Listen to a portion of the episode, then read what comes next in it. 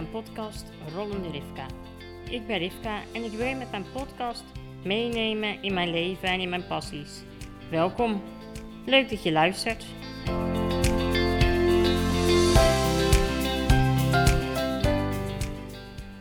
Deze week ga ik het met jullie hebben over meedoen aan wetenschappelijk onderzoek. Ik had nooit gedacht dat dat zo'n belangrijk onderdeel zou innemen in mijn leven, maar dat is het wel degelijk. En uh, ik denk voor iedereen belangrijk. Dus vandaag gaan we het daarover hebben.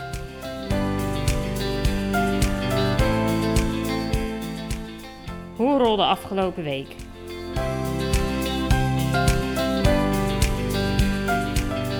Nou ja, in mijn vorige podcast vertelde ik dat ik uh, aan de slag ben bij Schiphol. En het, eigenlijk was het heel erg leuk vorige week hoeveel positieve reacties ik, ik daarover kreeg. Um, mensen vonden het echt super tof en ik vind het ook super tof. Dus uh, ik ben echt toch een beetje uh, leef ik in een roes wat dat betreft van alle leuke reacties die ik gekregen heb. En verder um, ben ik een dag in het ziekenhuis geweest, waar ik zo meteen meer over vertel. Uh, uit eten geweest met mijn zus, wat echt heel erg gezellig was. En als jullie gekke geluiden op de achtergrond horen, mijn hulphond Brit ligt keihard te snurken. En ik was net in dubio of ik er nou wakker moest gaan maken. Of dat ik gewoon uh, moet hopen dat jullie het achtergrondgeluidje niet horen. Uh, dat gaan we meemaken, of jullie het gaan horen of niet. Zij ligt in elk geval lekker te tukken. En uh, wij gaan verder met. My point of view.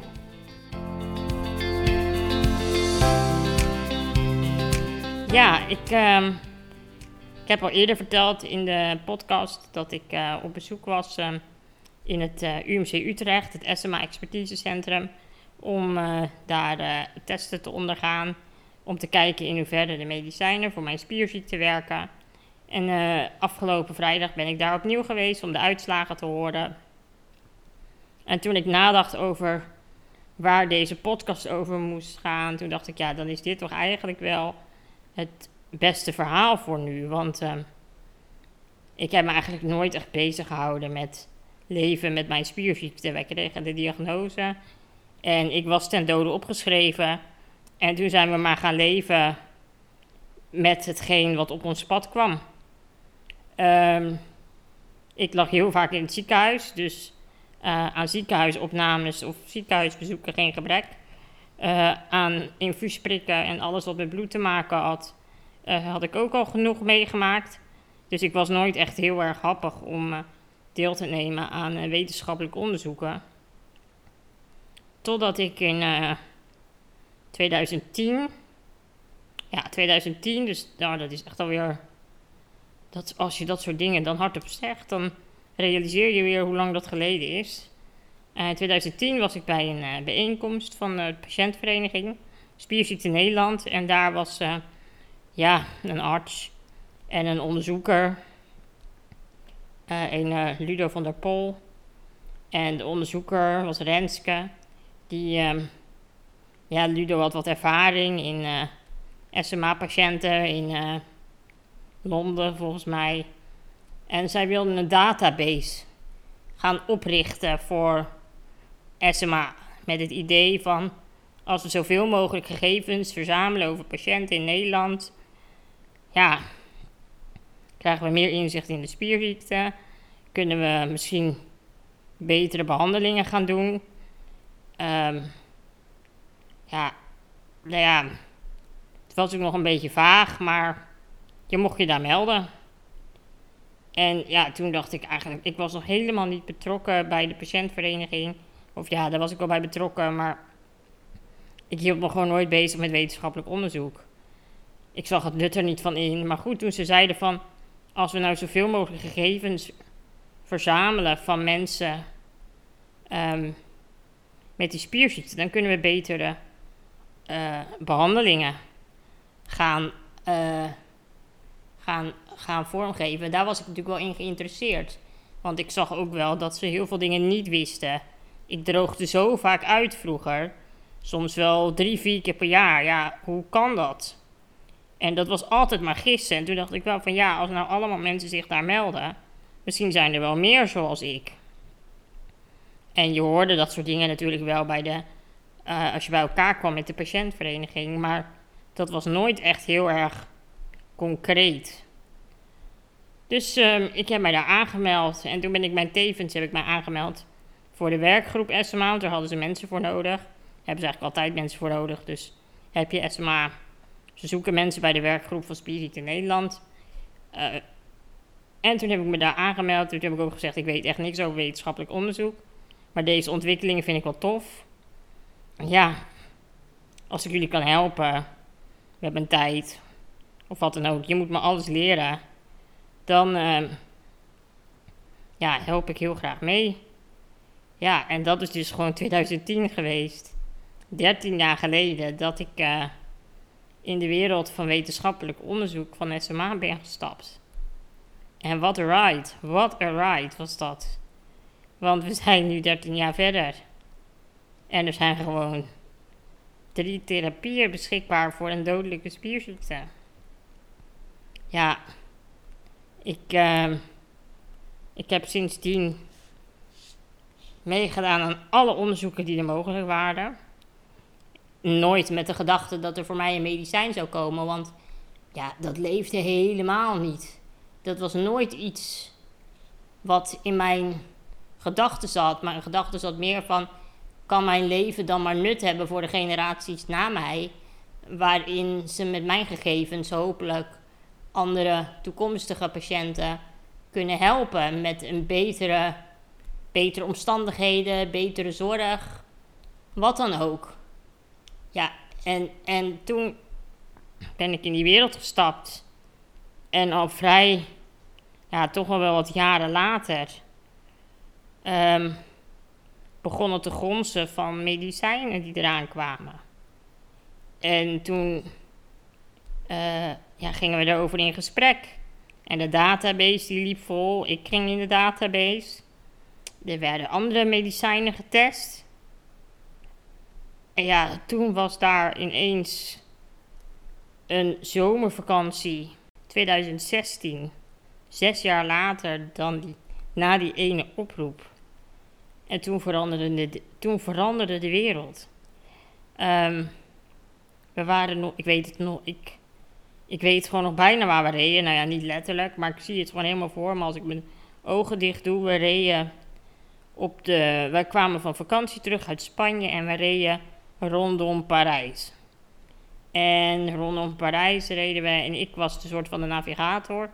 Want ja, de TomTom die viel. Oh nee, we wilden natuurlijk de kortste route.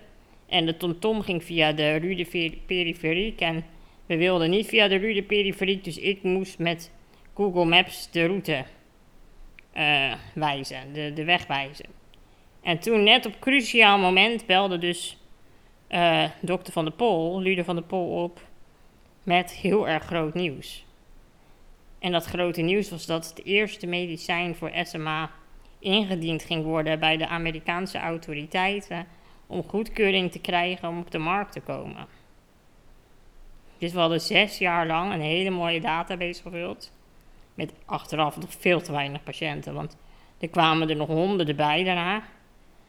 Um, en er was gewoon een medicijn.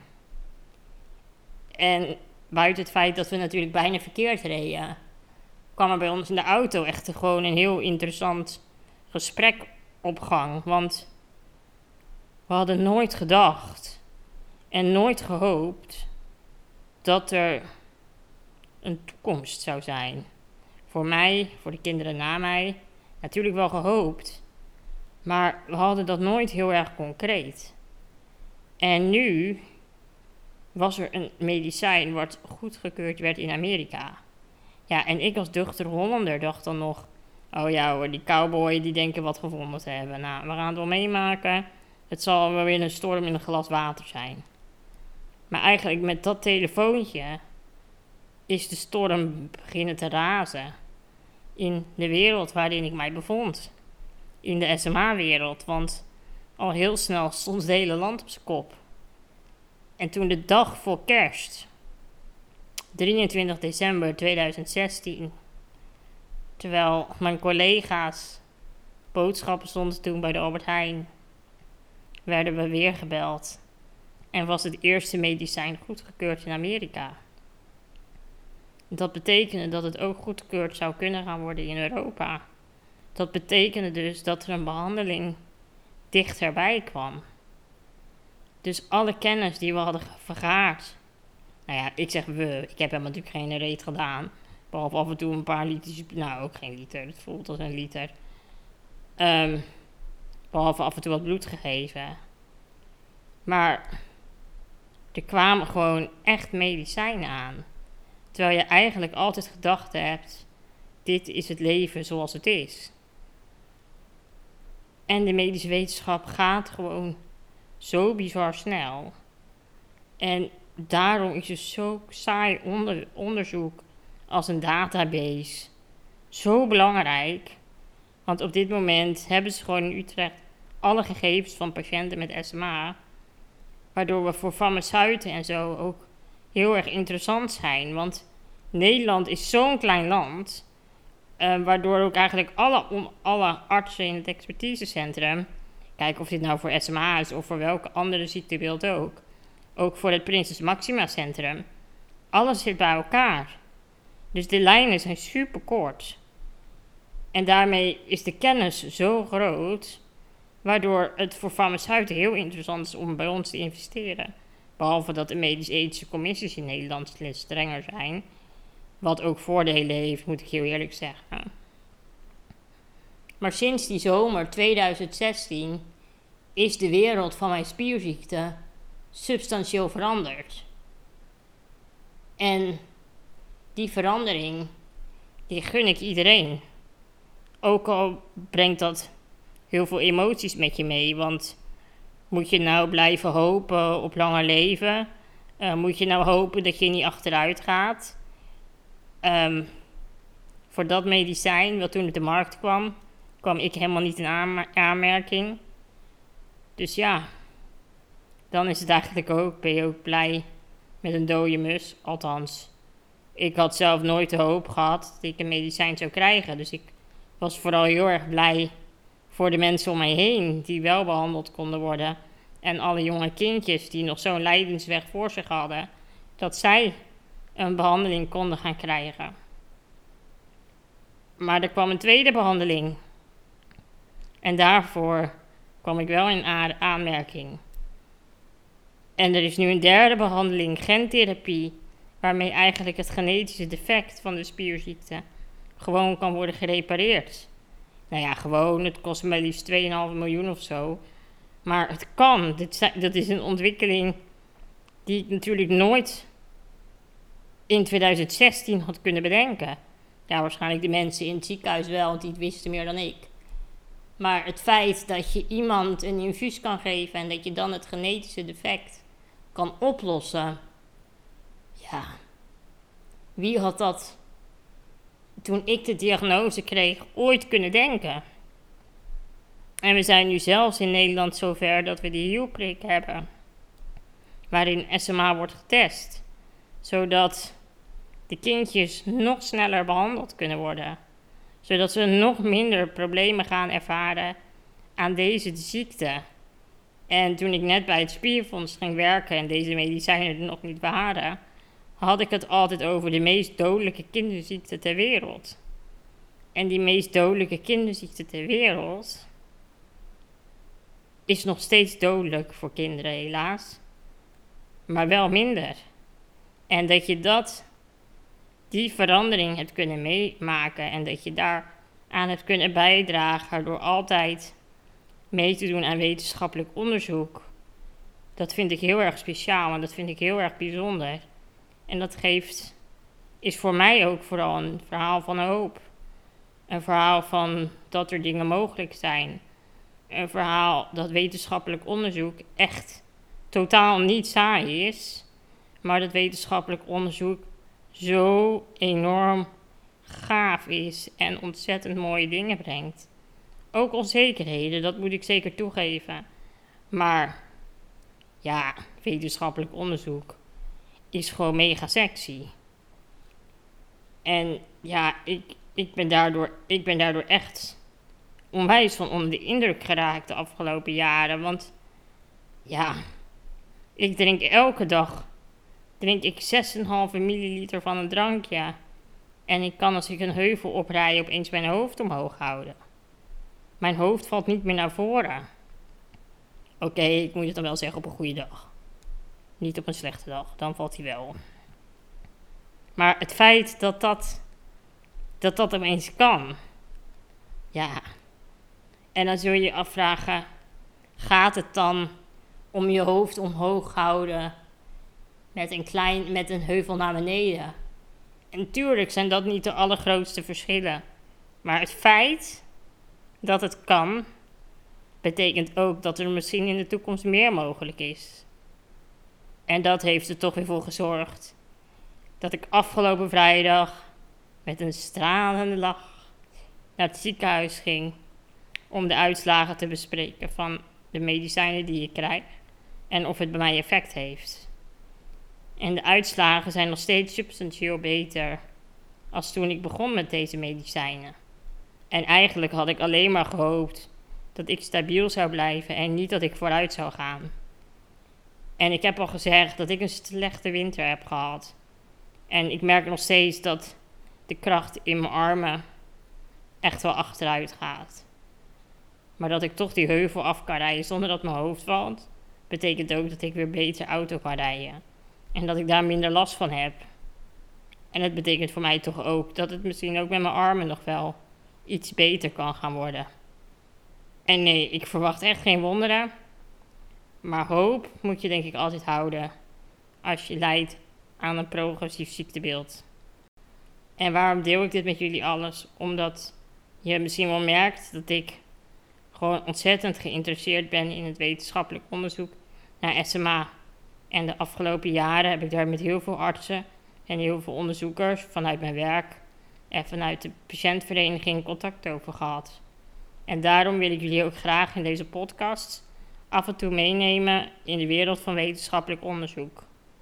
Dus jullie gaan er af en toe met de gasten meer over horen. Nou, dit was het dan weer voor vandaag. Dit was weer een aflevering van Rollende Rivka. Bedankt voor het luisteren. Vergeet je niet te abonneren. En als je vragen of suggesties hebt, neem met mij contact op via rollenderivka.nl. Tot volgende week.